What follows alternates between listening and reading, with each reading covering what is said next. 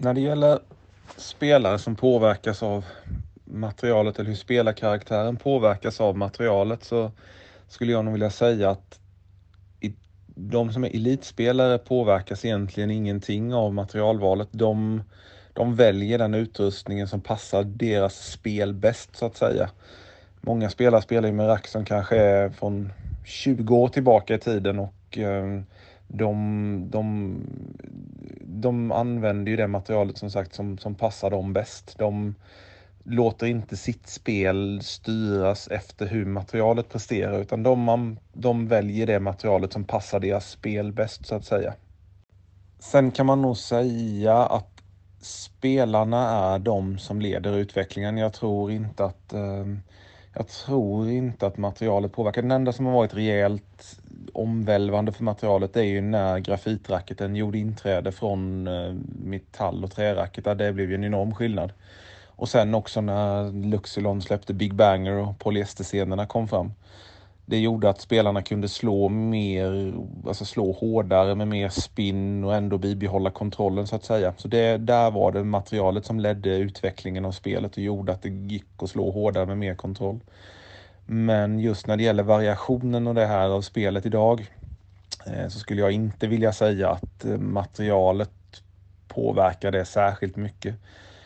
Möjligtvis lite om eh, att man kanske har då lite längre racketar eller så här man kan nå lite bättre men longbody racketarna de finns ju knappt kvar längre.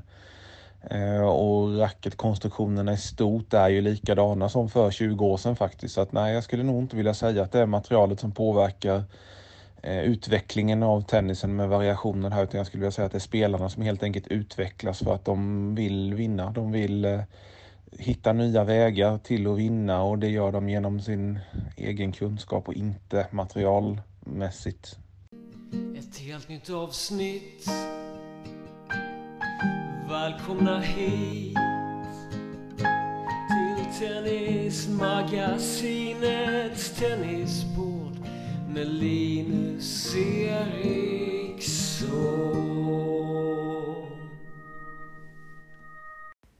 Dagens avsnitt kommer att handla mycket om material. Och vad är då bättre än att presentera vår partner Tennisshoppen.se? En mer passande partner blir svårt att hitta till dagens avsnitt. Tennisshoppen grundades 1976 av Davis Cup-spelaren Kjell Johansson och Thomas Wallén och ligger i hjärtat av Göteborg och innehåller allt du kan tänka dig inom tennis och lite till. Idag drivs Tennisshoppen.se av Magnus Gusten Gustafsson och av Björn Renqvist. Ta tillfället i akt och ange rabattkoden TennisLinus i webbshopskassan så får ni 15% rabatt på ett helt köp. Tennisshoppen.se och rabattkoden TennisLinus med andra ord.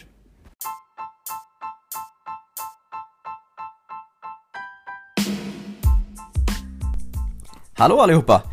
Idag så träffar vi Henrik Wallensten, alias Hank the Tank en av Sveriges främsta experter vad det gäller tennismaterial. Skor, skosulor, strängning, racketar, grepp, senor, allt som gäller tennismaterial kan Henrik det mesta om. Eh, han spelar själv tennis på ITF Senior Tour och representerar Tabergsdalens Tennisklubb i det svenska seriesystemet. I dagens avsnitt så pratar vi bland annat om vad man bör använda för sulor på skorna beroende på vilken typ av grusbana man spelar på. Varför svingvikten på rakten är det väsentliga.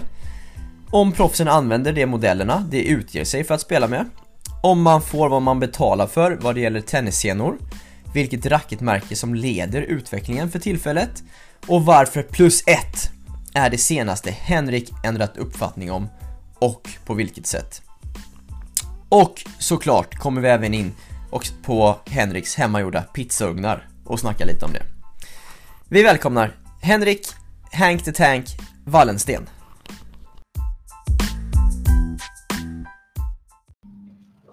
Då är den stora glädjen att hälsa Henrik Wallensten välkommen till podcasten.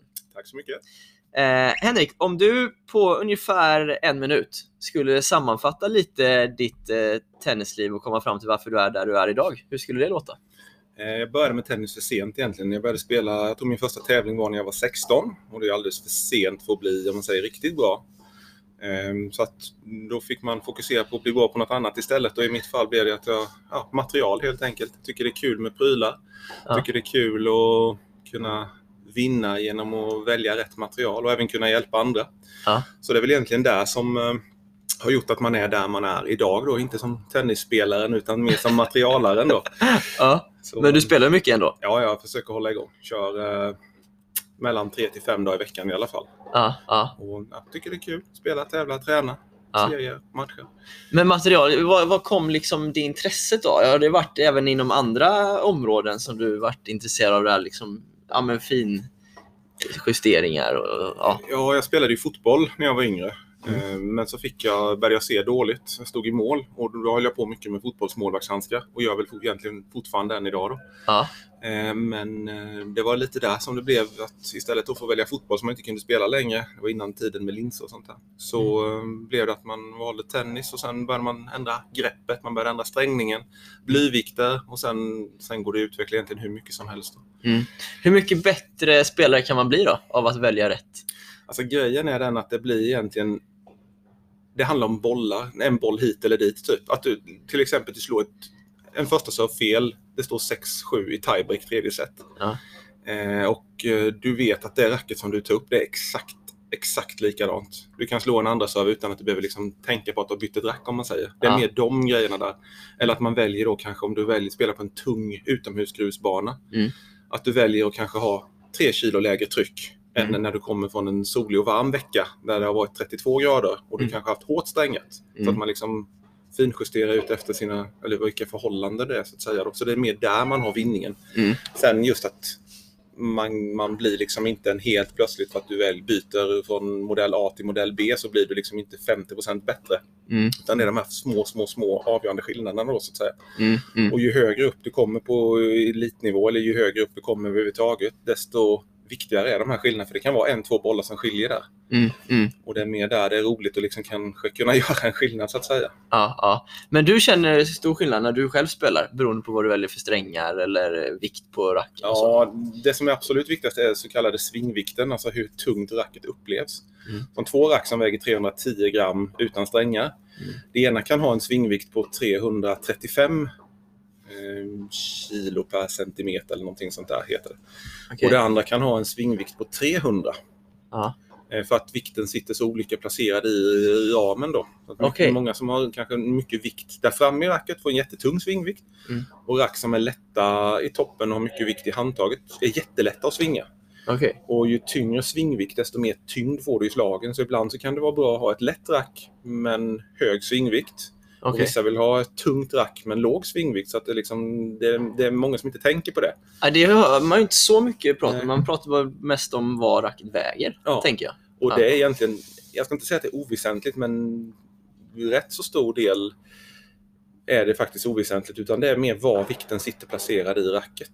Okej. Så till okej. exempel de här racken som är fabriksbeställda till proffsspelare. Ja. De har ju oftast vikterna, ehm, de är i stort samma racketar som konsumentracketarna, bara att de har inte lagt i några vikter inne i racketarna för att få balans och sånt.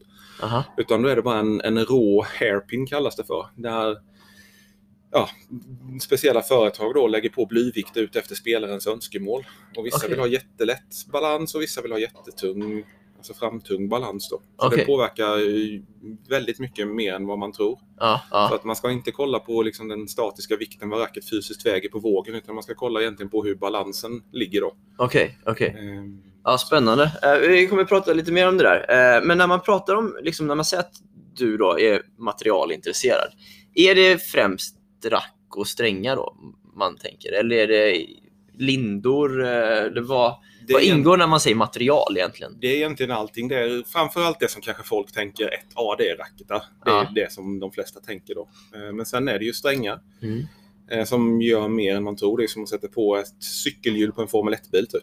Säg att du har ett Ja. jättefint rack och så har du den absolut sämsta, billigaste nylonsenan som är katastrofdålig. Ja. det blir inte alls bra. Det funkar ju att slå med racket men du får liksom ingen känsla. Eh, sen är det mycket just med grepplinor. Många kör ju grepplindor som är kolsvarta hål i. Typ. Varje gång Ja. du har en dålig grepplinda och du slår så snurrar racket lite mer än vad det skulle egentligen. Ja. Vilket gör att du får sämre kontroll. Det är också många som inte tänker på det. Ja. Ehm, vikter just då, som vi talade om innan. Eh, hur du sätter vikterna. Och sen skor framför allt. Det är jättemånga som är dåliga på skor. Vissa har typ innebandyskor eller en löparsko när de spelar, kanske inte tennisspelare, men någon som spelar på motionsnivå. Då. Ja, ja, Eh, och sen också vilken sula man har. aha. Många spelare då kanske köper en riktig grussula och spelar med på de dåliga svenska grusbanorna, eller de grova svenska grusbanorna. Ja, Om man ska glida med dem, då bryter du typ foten. just det. Medan du nästan kan ha en slät filtsula utomhus på våra svenska grusbanor när de är som tungast. Då. Okej. Ehm, Så att eh, det är många som inte tänker på det också, på skon, stötdämpning och sen vilken typ av sula man har. Okej. Det gör ju också jättemycket. Är du intresserad av skor? Ja, det är Okej. Lite skofetischist. är det så? Ja. Okej, ja, jag tänkte faktiskt inte på skor när vi skulle ses idag eh, som ett ämne. så. Eh, men okej, så beroende på vilka grusbanor man, har, man spelar på så är det olika sulor som är mest... Eh, Yes. eh, okej, så men vi säger då, vi sitter ju här i Taberg, liksom så, här. så om man jämför era grusbanor med, vi säger, Båstads Centercourt, då borde man ha olika typer av sulor då? Ja, absolut. Här i Båstad, eller i Båstad så har de ju tegelkross, alltså mm, krossat tegel som är som ett puder, nästan som sand. Ja, Där måste du ha en, en sån sula med eh, alltså en sån claysko som Ja. är jättegrov, alltså väldigt fint zigzagmönster på för att du ska få bett. Okej. Eh, så du kan, dels så kan du glida men du får också bett så du inte halkar. Mm. Eh, skulle du ha samma sula här i Tabergstalen som har ett väldigt grovt grus, alltså det är verkligen fysiskt grus, ungefär som då på en löparbana. Mm. Då så, eh, du bara fastnar. Du får liksom inte något glid i den utan där måste du ha en mer en sliten hardcore-sko passar bäst här till exempel. Okej. Aha. Och sen om du spelar likadant på um, de här nya konstgrusbanorna som Just är det. typ filt eh, med grus på. Ja, heter det är- Claytech? Nej, ja, Clay, inte- Clayt, eh, Red Plus och allting. Det finns jättemånga olika. Mm. Då måste du ha också en väldigt, väldigt bra grussula. Ja. Okej. Nästan till och med en, eh, det finns någonting utomlands som heter Omnicourt som är eh, alltså konstgräs med sand i. Ja, just det. Och de har en speciell sula som nästan ser ut som en blandning mellan nästan golfsko mm, eh, och eh, fot, grusfotbollssko om man säger. Nästan Mhm. lite runda prickar och sånt i. Ja, ja, De ja. funkar också väldigt bra på de här konstgrusbanorna just för att du ska få lite bett och Okej. inte halka runt. Då. ja, just Så det. många Just det. som klagar då att nej, de är så hala, de går inte att spela på. De har oftast fel sko, fel sula. Ja, ja, okej. Men om man tänker proffsspelarna då. Mm. Eh, alla är ju sponsrade av olika märken. Men det är inte så att alla använder samma sula egentligen. Eller förstår du vad jag menar? Eh, som med rack så kan ibland vet man inte vilket rack spelarna egentligen har för att de är målade. Mm. Men, men när det gäller skor, då har de sitt märke eller? Ja, ofta så har de det. Som Nadal, han har, han har en, ett paintjobb om man säger av sin, han har en specialsko. Aha, En lite äldre Nike-modell som har en, alltså en skin eh, yta av en modern sko så att säga. Ah. Men i övrigt så är det många som har ja, i stort samma sko som man köper i butik. Det skiljer inte mycket. Det Okej. är lite uppbyggnad kanske, man vill ha lite taj, alltså Lite mer om du tänker som att du går till en ortoped och får en formgjutningssula. Lite så gör de med sina skor, men det är inte mycket som skiljer. nej. Men däremot så har de ofta samma typ av sula på samma underlag. Så att säga. Är det grus, då har de flesta den här fiskbenenmönstrade grussulan. Mm. Yonex har ett litet avvikande mönster, men alla, alla andra är i princip samma typ av sulmönster. Då. Sen på hardcourt, alltså allcourt-skorna, Mm. där skiljer det lite, men ändå alla har liksom ett rätt grovt mönster. Mhm. Nu kan inte lyssnarna se här, men om du ser till exempel, där har du en, en eh, vi har upp en Asics eh, Gel Resolution 8 nu om ni Just vill googla. Snygg sko. Väldigt snygg. Ja. En av de bästa faktiskt på marknaden. Eh, Det är en allcourt och där ser man att den är väldigt grovt mönster på. Okej. Skulle du ha den på grus så bara sticker fötterna iväg, du bara halkar. Ja, Eh, Det ja. går liksom inte att lira med en sån. Just det.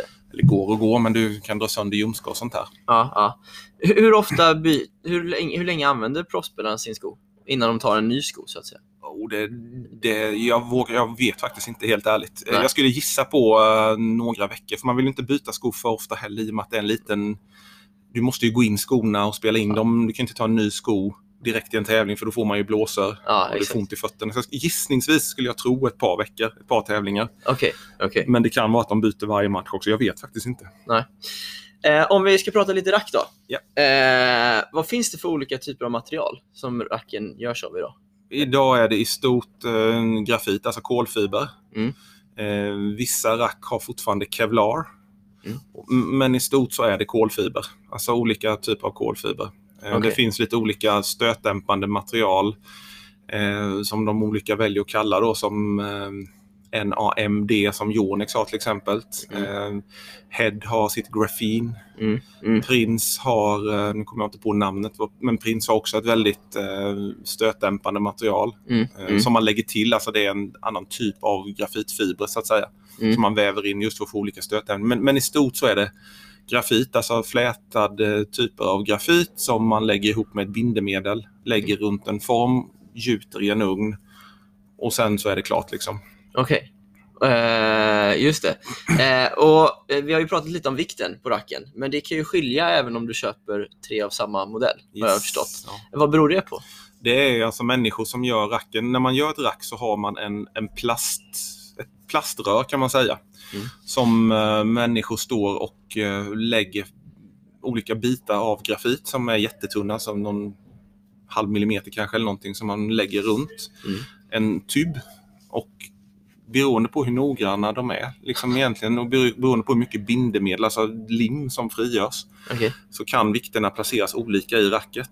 Eh, och då lägger de, de har en viss tolerans, oftast är det 7 gram plus minus. Som är accepterat? Ja, eller? och det, jag menar det, är, det kan skilja 14 gram. ja. Så om de mycket. 14 grammen ligger i handtaget eller om de 14 Ja. grammen ligger framme i racket, det blir två olika modeller i princip som det upplevs som. Då. Ja. Och det är just därför det kan vara, om du köper ett rack i butik så kan det skilja enormt mycket.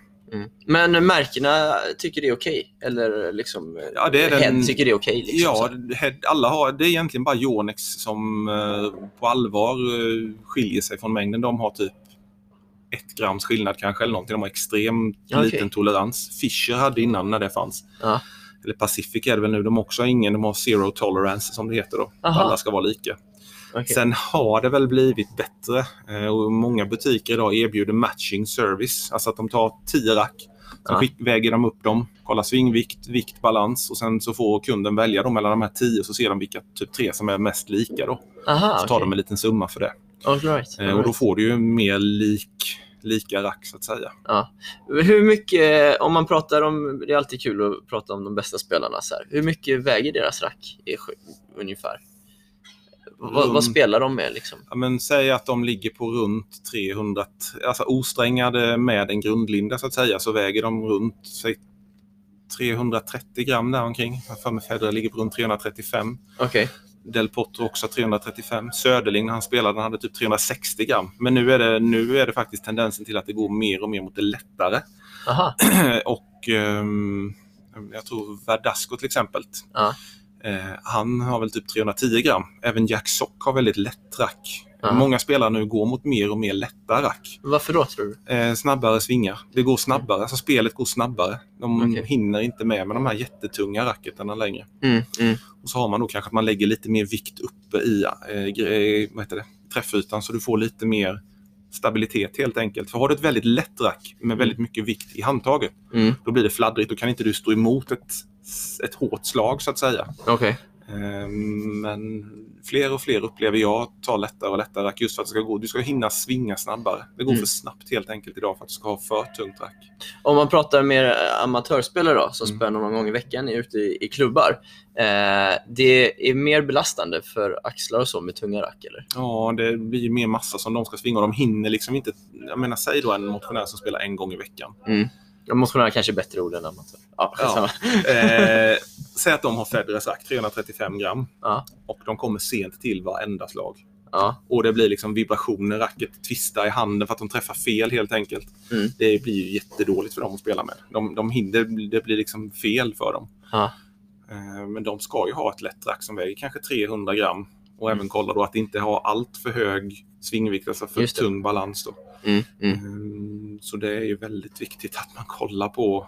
Mm. Alltså det är farligt egentligen att bara, utan att testa, bara köpa ett rack på nätet. Det bästa är ju egentligen att gå till en klubb eller butik, testa kanske tio, beskriva sitt spelsätt för de som jobbar i butiken. Mm. De kanske tar fram fem, sex modeller som de tror passar dig. Mm. Testa dem och sen eller ta med till exempel en, en tränare. Nu kanske de är sponsrade i många fall. Då. Mm. Men eh, att de har med sig en testbag av fem, sex olika modeller. De Mm. kollar, "Nej, men du, du kan inte ha, eh, som i detta fallet, Federer-racket till exempel, som ändå är ett tungt elitrack eller head Mm. prestige som inte heller funkar för en motionär. Mm, mm. Utan, nej, men du, ska ha, du ska ha ett head instinct till exempel eller ett Wilson Ultra eller Bubble Up Pure Drive till exempel. Ja, ja, Så eh, det är just det.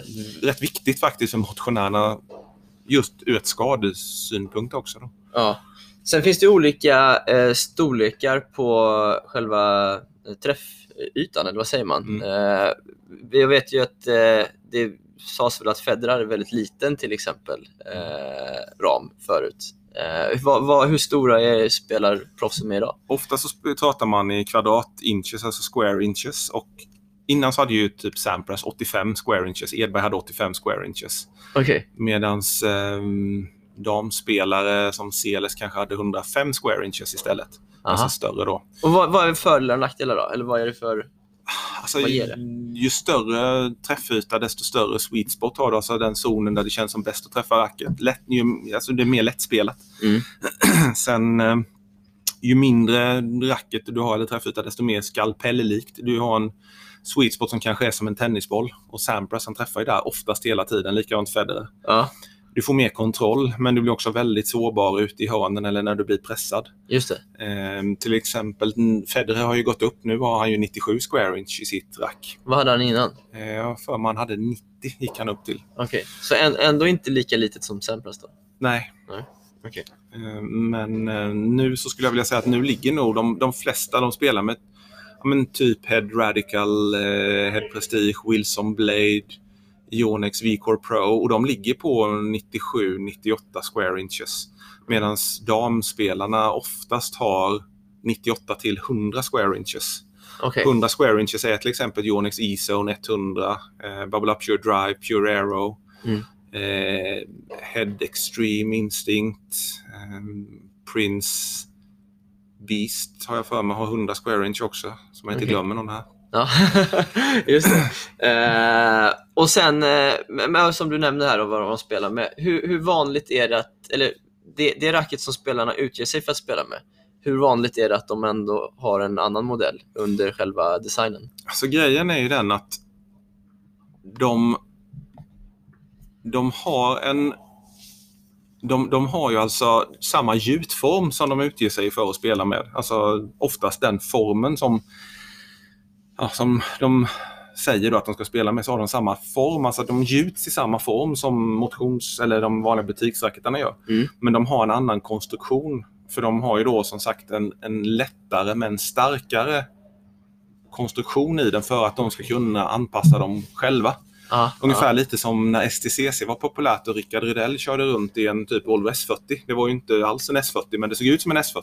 ja, jag förstår. Men det var skalet av en S40. Men de har ju liksom gjort den för hans specifikation och önskemål. Okej, Och det är likadant egentligen nu med proffsen. De har en lättare basracket som man anpassar individuellt. okej. Och de racketarna är för en motionsspelare, de, de, de är inte bra för de spelarna för de är för avancerade, för liten sweet spot. De är alltså för jobbiga att spela med. Ja, Så ja. det blir liksom inte bra.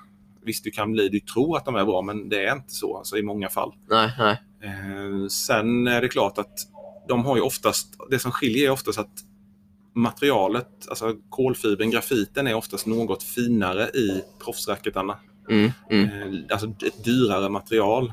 Okej. Eh, Jag för mig de har, utan att kunna ta 100% gift på det, så kan jag, har jag för mig det är japansk kolfiber Ja.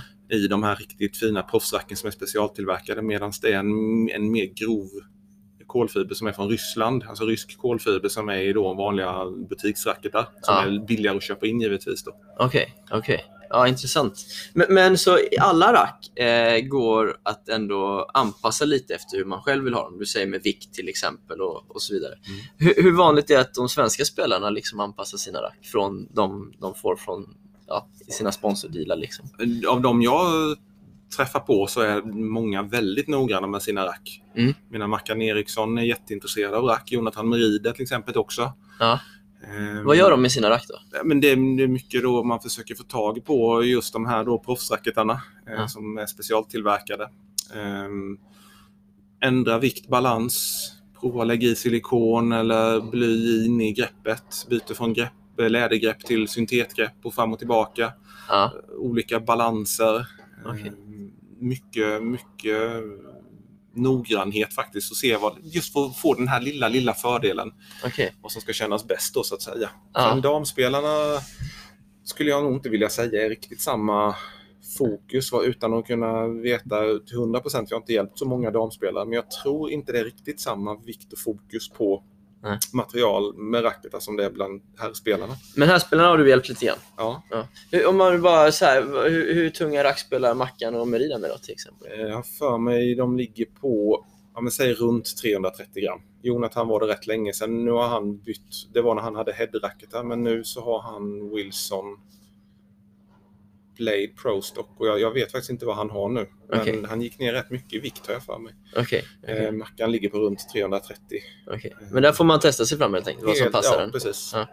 Du, du nämnde eh, greppen här också. Mm. Eh, vad, vad, vad, vad är det för skillnad på grepp? För det, är- från olika märken så kan väl alltså själva alltså skaftet Mm. vara format på olika sätt också? va? Head har ju, Head är ju kända för att ha ett, eller innan så hade de ett väldigt rektangulärt grepp. Ja. Alltså som ser ut nästan som en kvadrat om du tänker dig. Grovt. Ja. Ja. Rätt populära va? Ja, de var väldigt populära innan. Nu har de helt frångått det. Nu har de inte kvar det längre. Utan nu har de bara då ett mer runt grepp, eller fyrkantigt eller man ska säga då. Mm. Ehm, och eh, det är samma greppform som till exempel Dunlap har. Mm. Wilson har ett liknande. Babola har ett liknande. Alltså de flesta är relativt lika nu. Okej. Technifiber sticker ut lite och har lite mer eh, ovalt fortfarande. Även Ja. Fölkel och jag tror även Pro Kennex har okej. ett lite mer rektangulärt grepp. Men det är olika lite hur man, eh, hur man håller racket, hur man liksom får... Ja. Jag tycker inte om när man har, som till exempel, nu spelar jag med Head Extreme till exempel. Mm. Eh, och de har då gått till det här väldigt fyrkantiga greppet, eller rundfyrkantiga eller man ska säga. Då. Ja. Alla hörn är i princip samma avstånd på. Där har jag lagt på lite tejp på sidorna just för att man ska få lite mer och veta egentligen vilket håll man håller racket Ja, på. ja. För annars är det nästan svårt att blunda och veta vilket håll racket vetter åt så att säga. Just det. Just det. Så greppet är rätt så viktigt. Eh, och sen många har ju också haft för stora grepplindor, eller för stora grepp. Ja. Innan var ju grepp 4 väldigt vanligt, vissa hade till och med 5. ja, det är stort. Ja, det, det är stort. Är det. Nu är det mer att man går ner. Nu till exempel Nadal har ju, han har ju grepp 2 och inte någon Mhm. grundlinje utan han har ju bara två ba, eh, så overgrips så att säga över. Jaha, okej. Eh, sen många kör relativt små grepp nu för man tycker det går liksom snabbare och just växla mellan de olika lägena. Man känner racket bättre än att man har ett stort handtag. Okej. Du, du nämnde någonting med, med läder och syntetlindor. Eh, vad, vad, vad menar du med det? Eller vad var det för någonting? Eh, grundlindan, alltså den Mm. som ligger mot själva racket. Ja. Eh, en syntetlinda är en sån här mjuk grundlinda som känns som ja, ungefär om du tänker som du har på en innebandyklubba eller så. Ja, just det. Eh, Medan en läderlinda är gjord av koskinn eller Ja. ja, läder, läder helt enkelt då, som är mycket hårdare och väger mycket mer. Du känner racketgreppet mycket, du känner liksom exakt var du har de här kanterna på racket. Ja, ja. Och då eh, ger det skillnad även om du sätter på en overgrip. Ovanpå det då, Yes. helt enkelt. Så Ja. många kör till exempel Djokovic, han har en eh, läderglinda som bas, men sen har han två overgrips för att få en lite mjukare känsla. Okej. Eh, någonting som man har vant sig vid.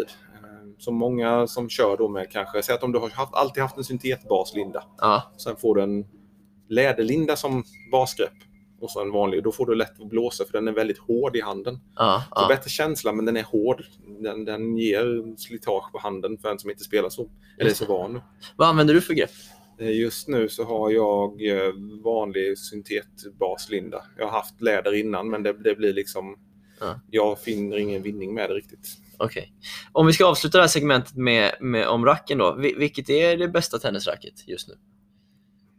Den är som att fråga egentligen... Det är personligt, Ja. men om vi nu ändå frågar dig, vad tycker du? Alltså just nu, jag byter ju rack liksom två gånger i veckan i princip, men just nu så tycker jag nya Head eh, Graphene 360 Plus Extreme Pro, Okej. det är det racket jag spelar med just nu. Ja. Ehm, Det tycker jag är skitbra rent ut sagt. Varför då? Det är en sån bra mix. Det är en 100 square inch träffyta. Lite bredare ram, Ja. men ändå ett lite tätare strängmönster i mitten. Så du får både en stor sweet spot, bra fart, men ändå en bra kontroll så att säga. Och så stabilitet då. Det låter ganska bra. Det låter väldigt bra. Ni har väl inte missat att använda det fina erbjudandet på 15% rabatt på ett helt köp på tennisshoppen.se om ni anger rabattkoden TennisLinus.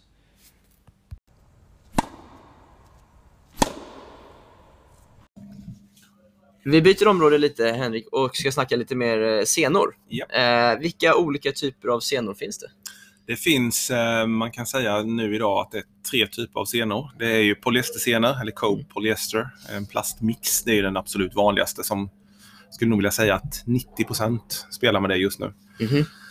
Sen har du syntetsenor som är alltså tvinnade olika nylonfibres. Eh, och alltså, om du tänker dig synthetic gut, typ som det var hette innan. Och sen har du även natursenor då, som görs på uh, djurtarmar, oftast kor, som Okej. saltas ur, som är liksom det är lyxvarianten då. Ja, ja. Inte som, de, de kostar tre, fyra gånger mer än vad en vanlig sträng gör. Och, eh, ja, visst, det är inte många som spelar med det, men det gör det liksom i överlägsen känsla. Men eh, inte riktigt samma kontroll som en polyestersena gör då. Okej. Okej. Eh, och vi, vi, du sa 90% spelar med eh, polyestersena. Okej. Eh, vad, vad är mest skonsamt att spela med? Om man Abs- tänker mer eh, motionsspelare? Absolut inte polyestersena. Det är många som kör med det som kanske inte borde ha det. Ja. Utan det är ju... Det går inte att komma ifrån. Den är jättemjuk, skonsam, det är som balsam för armen. Ja. Eh, Den, men då kanske en omställning kostar 600-700. Just det. Eh, En multifilamentsena, en synthetic gut eller multifilament som är Beroende på pris så är det olika nivåer av spunna fibrer. En riktigt fin multifilament har kanske tusentals fibrer. Den Mm. härmar natursenan. Mm. Kostar halva priset ungefär. Eh, Den är jätteskonsam för en motionär att spela med. Den är mjuk och det blir liksom inte den påfrestningen på armen. Nej, nej. En polyestersena den är ju alltså en monofilament, alltså gjuten i ett stycke. Utdragen hård plastsena egentligen. Som gör jättebra kontroll men den gör också att den är en väldigt påfrestande för armen då när Mm. du spelar. Mm. Och sen tappar den i sin elasticitet efter ett tag. Ehm, och, men den går inte av. Du kan spela med den kanske två år utan att den går av. Eh, och då är den jätteoskonsam för armen. Utan det blir liksom vibrationerna fortplantar sig ner i armen då. Okej, Men okej. du får fortfarande överlägsen kontroll i. Så många kör, eller har börjat med att köra en hybridsträng där de har polyester då på antingen längden eller bredden och sen en natur eller multifilament på den andra tvären. Då. Just för att få de bästa Ja, världarna då Yes. på något sätt. Som Federer, Djokovic, Murray till exempel och Del Potro. Mm. De, får bara nämna några, de Mm. spelar med en natur på antingen längden eller bredden och sen en polyester då på den andra. Okej, okej. Är det vanligt att man använder olika, alltså, olika scenor? Ja, Längd och bredd. det, det är det. Ja. Inte, inte supervanligt. Det vanligaste är att man har samma på alla då så att säga. Ja, ja. Men det, det är hyfsat vanligt i alla fall. okej. Beroende på vad man använder för typ av, av material på scenerna då, ska man tänka olika med hur hårt man strängar racken också? beror på om du vill ha kontroll eller fart. Mm. Eh, Jag brukar alltid rekommendera alla att stränga så lågt som möjligt. Kan du spela komfortabelt och ha bra kontroll med 15 kilo, gör det. För det är egentligen, ju, ju lägre du strängar i tryck, desto mer skonsamt är det. Du får mer större sweet spot, du får bättre känsla tycker jag.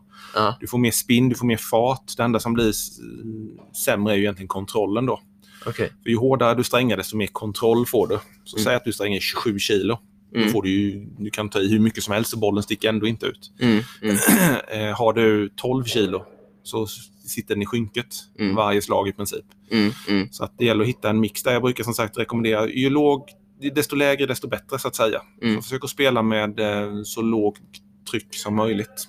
Vad går utvecklingen åt för håll? Du nämnde tror jag att man, man går ner i, Ja, i tryck alltså. Yes. Nu skulle jag nog vilja säga att innan var det, så att om vi hade suttit för 10-15 år sedan, då hade den varit mer kanske 26, 27, 28 kilo. Ja, Nu är det 20 till 22 kilo kanske, någonstans där. okej. Som man går ner mot. Det är Djokovic och de här som fortfarande då har eh, hybrid med natur och, Ja. och det. Eh, de, slår, de har rätt hårt fortfarande. Okej. 26-27 kilo någonstans där.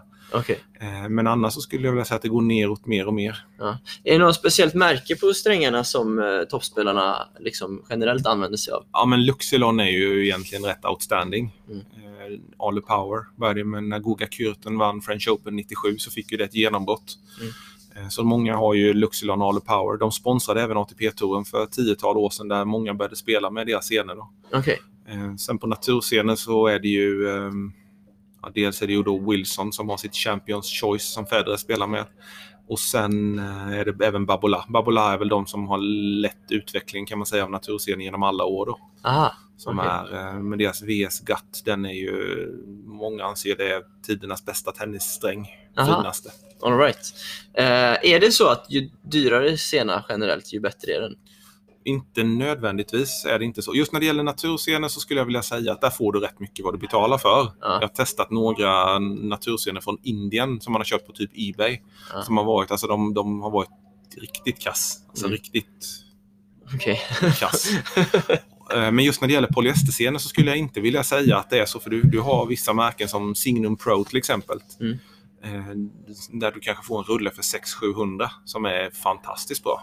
Mm. MSV är ett märke tyskt också som du får också för 600-700 som är jätte, jättebra. Då. Eh, Medan då kanske en Luxilon Visst, Luxilon är en klass för sig. De har ett lite annat material, lite mer, jag tror det är någon form av aluminiumpulver de har i. De kostar kanske 3000 för en rulle. Ja, de är dyra alltså. Ja, de är riktigt dyra. Men de är också... Du får ett speciellt ljud, en speciell känsla i dem. Så du, visst, de, de är väl outstanding, men de kostar ju också outstanding mest. Ja, ja. Ehm, så att både ja och nej. Jag tycker att en motionsspelare ska absolut kanske testa och se Mm. eh, om de märker någon skillnad. Men annars som sagt så får du en jäkligt bra sena för ja, en rulle då för mellan 600-700 och 1000 kronor. 1200 kanske. Om man, eh, om man liksom sp- spelar någon gång i veckan så här, eller några gånger, men man slår inte av sina senor, hur ofta bör man ändå stränga om sitt rack för att inte senan ska tappa sina kvaliteter eller att racket ska tappa tryck för mycket? Säg då att du spelar en gång i veckan, säger vi. Mm. Man brukar säga att spelar du en gång i veckan, stäng om en gång i halvåret. Typ.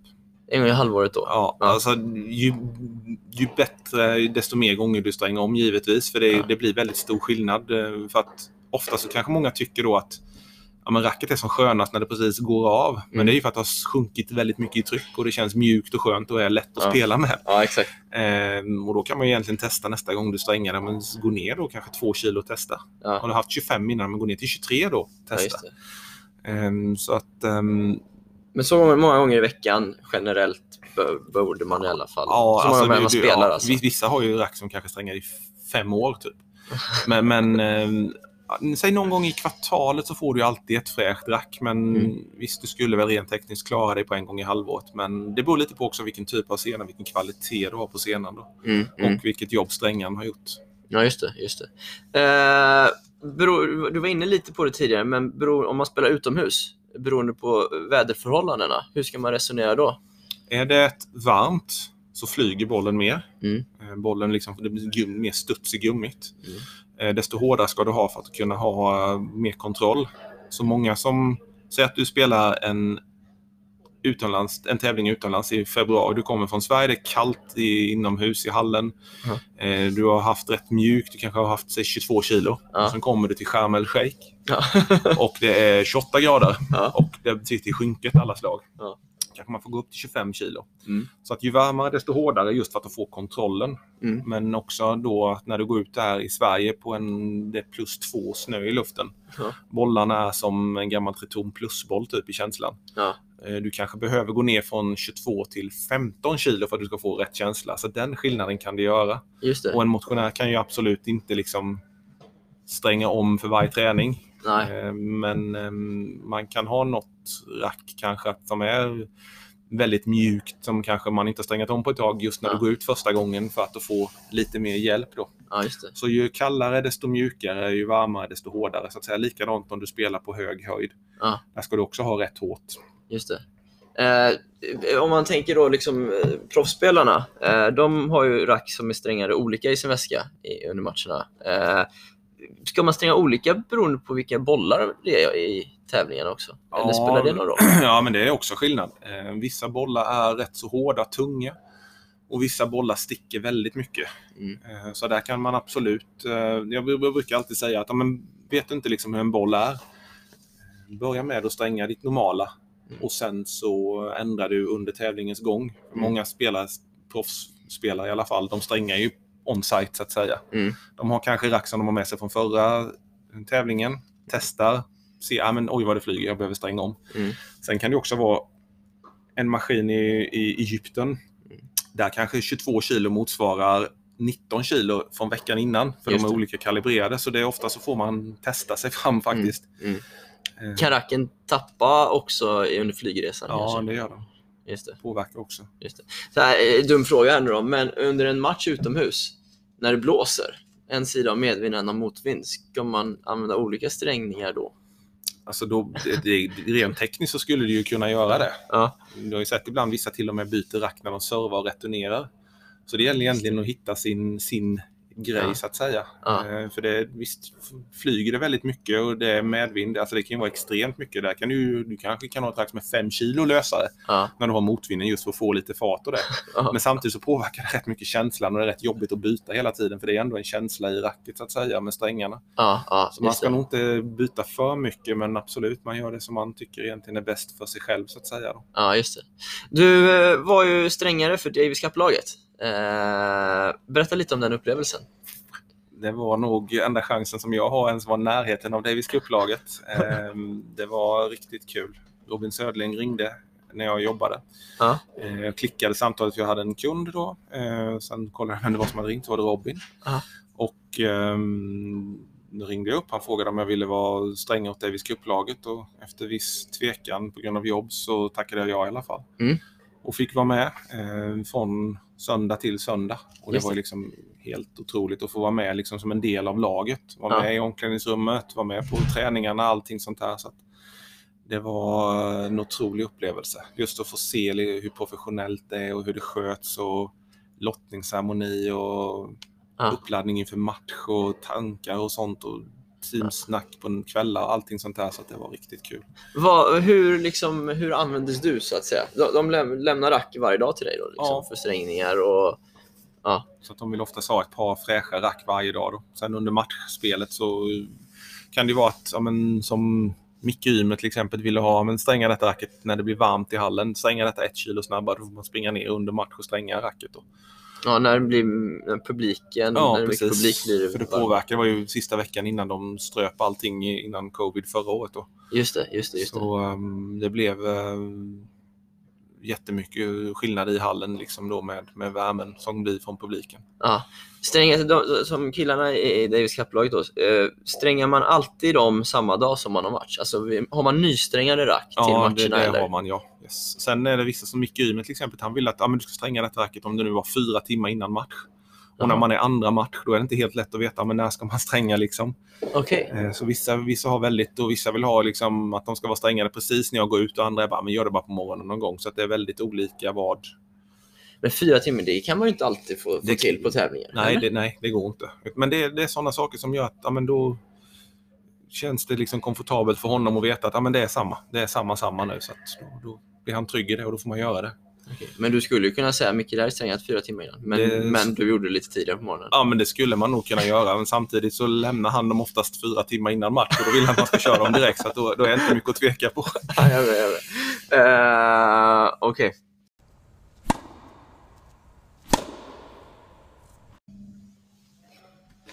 Henrik, om man, eh, vi pratar eh, racketar framförallt då. Eh, finns det något märke som liksom sticker ut, som leder utvecklingen eh, just nu? De som många försöker kopiera är ju Babola. Eh, De kom med sitt Pure Drive. Det kom 94 men det slog igenom 97 när mm, Moja fick lite framgång i Australian Open och sen Mm. French Open. Eh, Men det är många som har... Nu är ju egentligen Pure Drive en kopia på Pro Kennex Destiny som Babola köpte gjutformen av.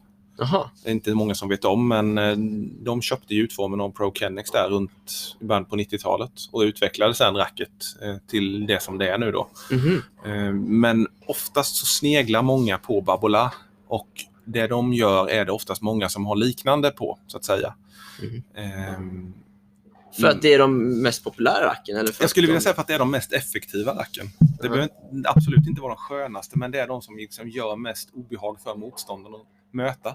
Ja. Möter jag en spelare som spelar med ett Pure Air eller ett Pure Drive till exempel så är det jäkligt jobbigt att möta den. För det blir så tunga bollar, det blir mycket spinn, du, du får liksom sån press på dig hela tiden. Ja.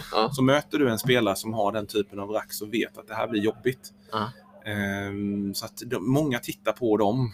Ehm, sen är det inte nödvändigtvis alltid de som kanske har bäst skönast rack så att säga. Mm. Men det är oftast de som folk tittar på eller Ja, tar efter.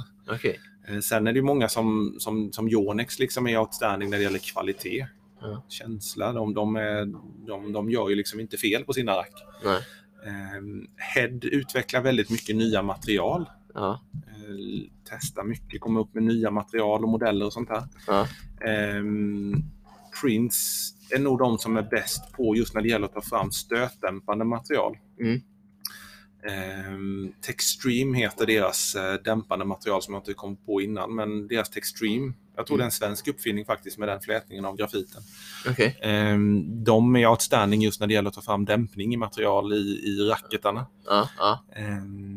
Okej. och sen har du Pro Kennex då som har sin Kinetic som är alltså blykulor som med kinetisk massa dämpar, mm, eh, dämpar vibrationerna. Mhm. Men den finns i princip inte i Sverige. Har inte gjort det på 25-30 år.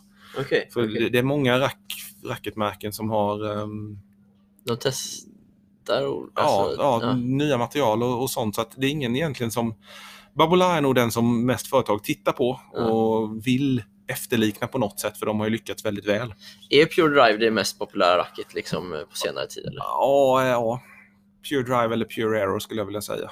Okej. Sen har ju Wilson extremt stor marknadsandel med framförallt Blade.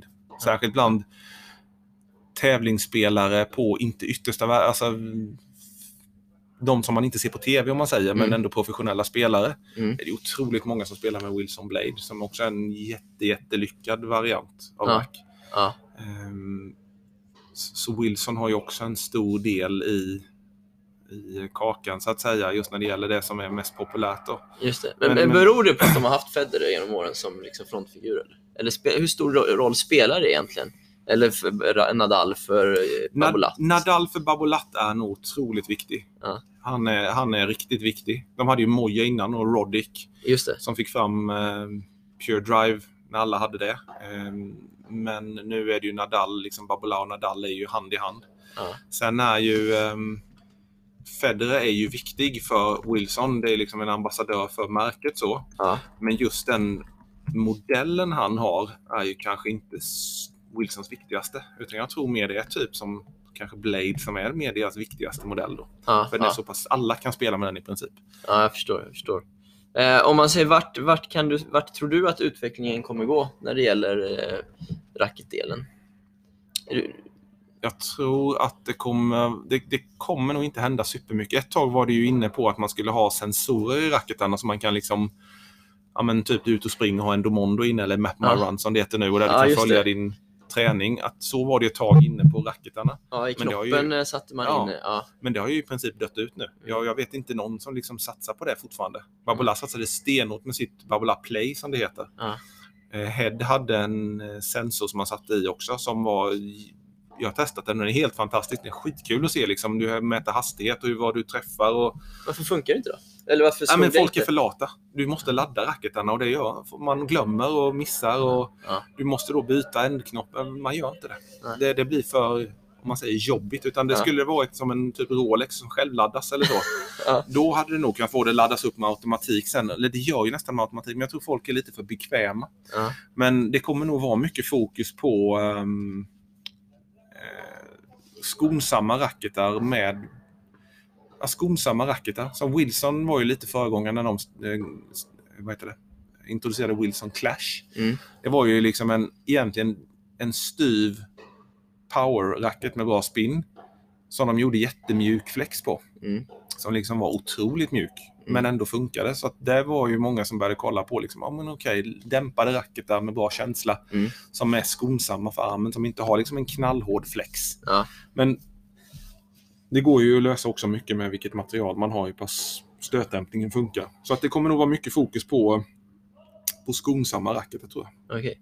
Ja, jag vet inte, jag, jag minns ju när jag själv spelade för många år sedan. eh, Prince tog ju fram ett rack med stora hål i eh, på, på ramen. Eh, det, finns det kvar eller? Ja, de har det. Det heter O-ports. Just det. O3. Vad är din Eh, uppfattning om det?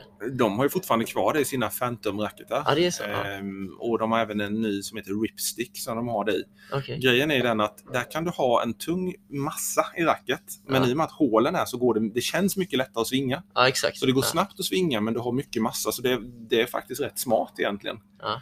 Varför slår inte sådana grejer större då? Om det funkar bra liksom? Dels är det rätt jobbigt att stränga det. För du måste ha en speciell boomerang tool som du sätter i hålen för att inte maskinen ska dra fel så att säga. Men det struntar ju spelarna i egentligen. Ja, ja absolut. Eh, jag, jag vågar faktiskt inte svara på det. Eh, det finns till exempel ehm, en Argentina som var avstängd för matchfixning, Nicolas Kicker. Ja. Han har ju liksom inte sponsring med Prince, men han spelar med en gammal modell som har det fortfarande. Okej. Och liksom försöker få tag på begagnade sådana rack typ, eller leta efter Ja. det. Eh, och vissa Pablo Andujar spelade med det rätt länge också utan kontrakt då. Mm. Ehm, Okej.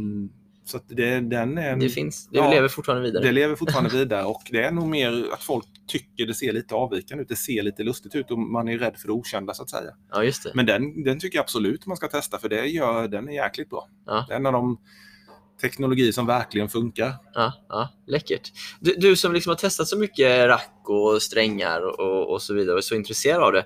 Du har aldrig funderat på att ta fram något eget eller? Jo, jag gjorde faktiskt det. Jag, när jag jobbade på Tennisshopen i Göteborg för jättelänge sedan. Det här var alltså 20, när jag kom hem från Australien 2002 tror Ja, jag. du har jobbat där alltså? Ja. Okej, det visste jag inte. Ehm, då så var det jag och en kompis, Olof.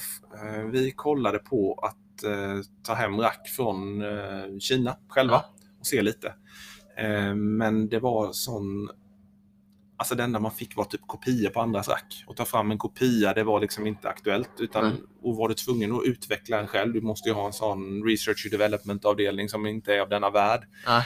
Och, och det, liksom, det går inte. Jag hade Okej. kunnat skicka en färdig ritning till dem och de hade tagit fram ett nytt rack, men det var alltså de batcherna, du hade behövt att ta hem flera containers som man säger. ja jag förstår. Och jag vet själv att folk köper inte ett okänt märke, utan i tennis så är det liksom det finns till exempel Artengo i Frankrike framförallt. De Ja, gör jättebra rack. De Mm. kostar ingenting i princip. Nej. Men det är En tredjedel av priset och det slår inte alls, även om det är jättefina rack. Alltså Ja. jättebra rack. Du, du kan absolut bara gå ut och spela med det. Mm, mm. Men det slår inte för det, är liksom, äh, det känns budget så. okej. Utan det ska vara ett, ett premiummärke typ. Men om man tänker bort rack då, men, men som stränga till exempel. Du är ändå ett, ett litet namn i tennis-Sverige, eller ett namn i tennis-Sverige. Du skulle kunna sälja här i Sverige. Om du tar fram en, en scena som du verkligen tror på. Eller? Ja, det skulle man nog kunna göra så, men eh, det, det är som sagt återigen volymer. Ja. Det, man, du måste ta hem så, alltså, du måste chansa så mycket. Ja. Eh, och sen, eh, sen är det, det, det finns liksom inte jättemycket kvar att uppfinna så att säga. Nej. Utan de flesta scenerna är relativt lika. Det finns jättemånga nya som kommer hela tiden och sen i slutändan så känns alla någorlunda lika. Alltså Mm. det, det, Okej. det handlar om promille i skillnad typ på Just känsla. Så att det, det är svårt att ta fram liksom någonting som genererar pengar egentligen. Utan då är det mer för en kul grej. Just Jag har ju mitt egna fotbollsmålvaktshandskmärke, Just det. Henvall, Ja. eh, som jag har haft sedan 2005. Ja. Och där, nu är det ju några andra killar som en, en finsk landslagsmålvakt som står i mål i Mjällby till exempel och Anton Kajtoft i, eh, i han står i Norrby nu, också Ja. spelat i u landslaget och sen två grabbar till. Ja. Eh, Så vi kör ju egna, där har vi egna recept som vi skickar på så att säga. Bara, nu är det här en tennispodd, men, men så här fotbollsmålvaktshandskar. Är det liksom klippet då? På själva... Ja, men det, det är Ämnen. konstruktionen på hur känslan är så att säga. Okej. Hur de håller, hur de konstruerar, alltså känslan, hur de sitter på handen så att säga. Okej. Så det, där kan du göra rätt mycket eh, fingertoppskänsla. Det, det är så intressant när man inte är insatt i någonting. Så här, tänker, då tänker man så här, ja handskar, det är ju handske som handske, tänker jag. Men det fattar jag att det är klart att det är skillnad också. det är som Precis som någon som inte spelar tennis Ja. undrar vad håller vi på med? Ja. Så här, ja. Nej, det är fascinerande faktiskt. Eh, eh, Henrik, vi kommer avsluta med lite frågor som jag ställer till de flesta gästerna. Du får välja om du vill svara eh, med koppling till tennis eller inte. då. Eh, vad är det senaste du ändrar uppfattning om? Eh, plus en. Ja, det, det är en superpik till mig här nu. Nej, den är faktiskt ingen pik till Okej. dig. Utan eh, först så var jag lite sådär, jag bara okej fan man ska nog vara nöjd att det blir tävling överhuvudtaget. Men sen när jag hörde dig i eh, Tennisportalens podd Ja. så, eh, och du förklarade liksom det här med elittävling och, och sånt och när man drar parallellen till hockey. Ja, menar, tänk om HV Brynäs möts i kval och äh, tränaren får inte vara med. nej, exakt. Det händer ju liksom Det inte. skulle aldrig ske. Nej, nej. Och i hockey så är du liksom då, det är, det är 40 50 pass som är inne på isen. Ja. Men och en tennisplan är i princip stor som en hockeyplan. Mm. Och du får inte ta med en tränare.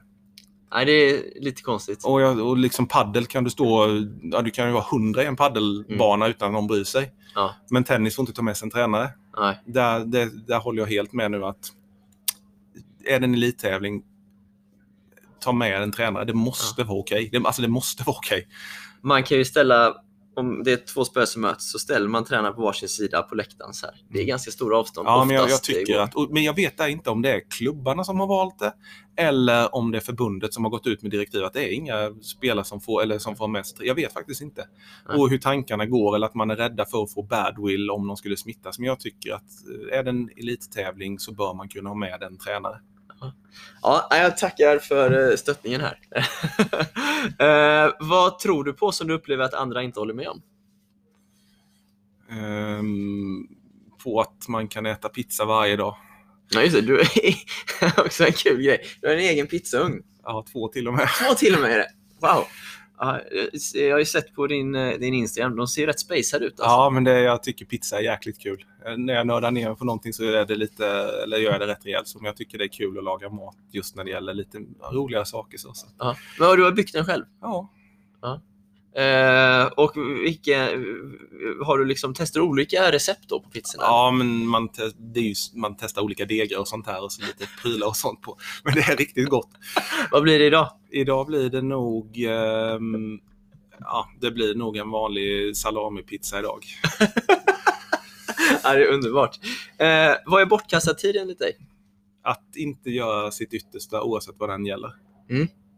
Så när du har intresserat dig för något, då går du in för det? Ja, eller likadant om du liksom, när du är på, på jobbet, liksom, ja, men gör, tar du dig an en uppgift, Mm. ge järnet. Mm. Eh, är du på träningen, ja, men då är det inte mobilen som gäller. Mm. Spring, du är där för att träna. Du är där frivilligt, du behöver inte vara det om du inte vill. Mm. Går du ut och springer en runda, men spring, ta ut dig. Mm. Eh, jag tycker att ge järnet, gör det man har åtagit sig, gör det till 100% annars så kvittar det. Ja, jag är helt, helt rätt. Eh, en film eller bok som du har hämtat inspiration ifrån? Winning Ugly. Brad Gilbert? Yes, det är en bibel. Den måste, med stort M alla tennisspelare läsa. Ja, ja, är Guds gåva till tennisspelaren. ja. Jag vet inte hur många matcher jag har vunnit på den. Jag, alltså, när jag, visst, jag började spela rätt sent, eh, men sen när jag började läsa den i typ 22-23 års åldern så började jag helt plötsligt vinna matcher. Eh, för liksom, okej, jag behöver liksom inte slå hål på bollen. Mm. Utan okej, varför just den här tanken, vem gör vad med vem? Varför står det 2-6-1-4? Mm, mm. Ja, men är det att han... Ja, men det är att jag missar varje slag. Okej, men börja med att sätta bollen i banan. Se vad som händer. Det kan ju ändra ett momentum helt. Mm, mm, mm. Så Winning Ugly, läs den nu. Den Ja. är så bra. Ja, riktigt. Eh, faktiskt en ögonöppnare eh, på, på olika sätt. Där. Eh, hur, hur man vinner tennismatcher. Yes. Eh, om du var eh, härskare över svensk tennis, vad skulle du eh, prioritera att eh, göra då? Eh, då hade jag prioriterat att ehm, köra, försöka få in sponsorer så att vi hade kunnat köra extremt mycket mer futures Mm. och även senior ETF-tävlingar. Just det. Jag tror mycket på att möta internationellt motstånd. Mm. För att du blir, du blir så bekväm i din egen damm så att säga. Mm. Spelar du en, en vinter-sommartour, de är också jättebra för spelare att kunna få pengar så att säga. Men jag har, även om jag började sent, så har jag ändå spelat några Futures-kval i alla fall när jag var yngre. så. Mm. Eller yngre, när jag var i, inte så gammal som jag är nu. Och det är, vissa har, alltså det sitter i princip en gubbe eller gumma med en kanna kaffe och sköter allting. Alltså det, det kräver inte så mycket, så- alltså det behöver inte vara 100% perfekt. Ja, jag. Utan jag hade nog försökt att få in de pengarna som krävs för att kunna erbjuda internationell tävling på hemmaplan. Ja. Det hade varit, eh, jag tycker det är så viktigt. Mm. Det är faktiskt en annan sak än att spela svenska, alltså svenska tävlingar. Eh, Vi, vi, det är en annan, de gångerna jag spelat tyska ligan, du blir alltså totalt uppäten Mm. om du inte är van vid internationellt spel. Det är så mycket, det är liksom bollar som sitter två decimeter in, de är ute helt plötsligt. Ja. Eh, Du, du, får en, du, du blir så mycket in your face så att säga. Du, du, det. du får en helt annan tuffhet när du spelar internationell tävling. Mm, mm, Eh, Och just att man kommer utanför sin komfortzon, att inte det blir så märkvärdigt. Mm. Jag vet, jag har spelat VM, senior-VM några gånger och jag har varit så nervös att jag har fått gummi, även om det, liksom, det är ingen som bryr sig om jag vinner eller förlorar, förutom jag själv i princip och familjen. Ja. Men ändå så får man liksom gummi för att man inte är van vid det. Eh, Så att eh, gör mer internationella tävlingar. Ja. Visst, det kräver en, en liten större organisation givetvis. Mm. Men jag tycker att det är, om man ska satsa på någonting så är det det. Ja, ja men det, det är skitbra. Eh, har du någon förebild som du sett upp till mycket? Ehm, alltså min... Ja, jag hade ju en tennisspelare som var min förebild men han gick det inte så bra för, Mariano Puerta. han råkade åka dit några gånger. Ehm, Rå, råkar åka dit. så att eh, det, det, var ju inte, det blev ju inte toppen liksom. Ja. Sen hade jag en spanjor som var världsmästare på stoppbollar, Albert Portas. Ja, just. Han eh, gillade jag mycket. Och sen Mm. Jonas Björkman var ju också en jättefavorit just för han hade sån energi. Liksom. Han, när jag hade slutat spela tennis en gång så mötte Sverige Israel borta i Davis Cup där Björkman var med och kämpade till sig att Sverige vann då. Där Ja. började jag spela tennis igen just tack vare Bjösse. För Okej. att han hade sån jäkla energi. Det blev, liksom, det blev så kul då. Ja. Så Björkman tycker jag har betytt jäkligt mycket också. ja, ja, ja. Skön verkligen. Uh, Puerta var väl i final i franska ett Yes. år va? Sen Just åkte han dit eh, i, ja, efter finalen då med eh, otillåtet ämne i blodet andra gången. och då blev han avstängd eh, livstid men sen blev det åtta år istället så att säga. Men det var ju lite synd för han, han hade skön spelstil och liksom kämpade och slet mycket och så men Ja. det var ju inte riktigt rent mjöl i påsen så att säga, tyvärr. Uh, Henrik, slutligen, vill du rekommendera någonting? Eh, testa att ehm, spela utomlands när ni är seniorspelare.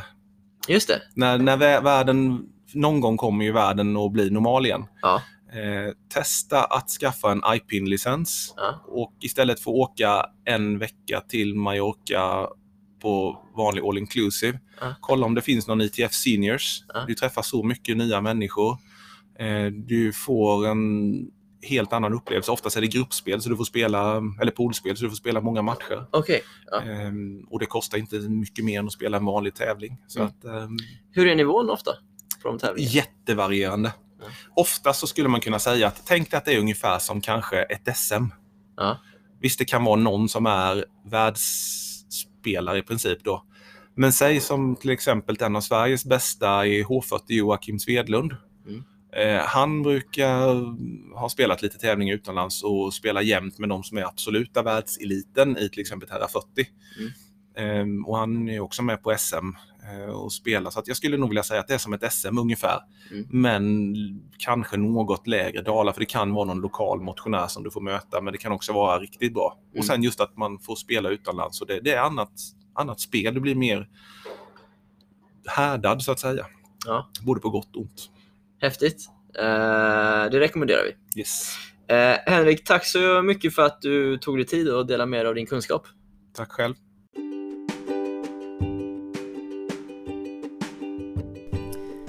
Det där var Henrik Wallensten. Ja, hoppas ni tyckte det här var intressant. Många är väldigt intresserade av tennismaterial. Det är ett ämne som jag själv inte är superinsatt i, men jag vet att många är det. Och visst finns det fördelar att hämta. Om man väljer att eh, intressera sig lite för det så går det ju att få, tjäna det där lilla, lilla extra till sitt spel genom att kanske stränga rakten på ett fördelaktigt sätt utifrån hur du spelar. Välja en sena som passar just dig, eh, som inte belastar och riskerar att skada dig extra. Eh, eller kanske till och med välja en racketmodell det som ger dig de extra egenskaperna som kan göra att du blir en eller två procent bättre. Ja, ibland är det skillnaden som gör skillnaden, som en berömd Kjell Enhager en gång i tiden sa. Vill ni komma i kontakt med mig så går det bra att mejla på linus.eriksson.snobblatennismagasinet.se eller besöka mig på Instagram linus-se-eriksson. Där kan ni även hitta Henrik Wallensten på, på henrik.wallensten helt enkelt. Tack för idag! Slut för idag.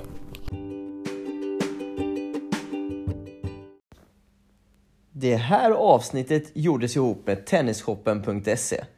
Och vad kan vara en mer passande partner med tanke på vad dagens avsnitt handlar om?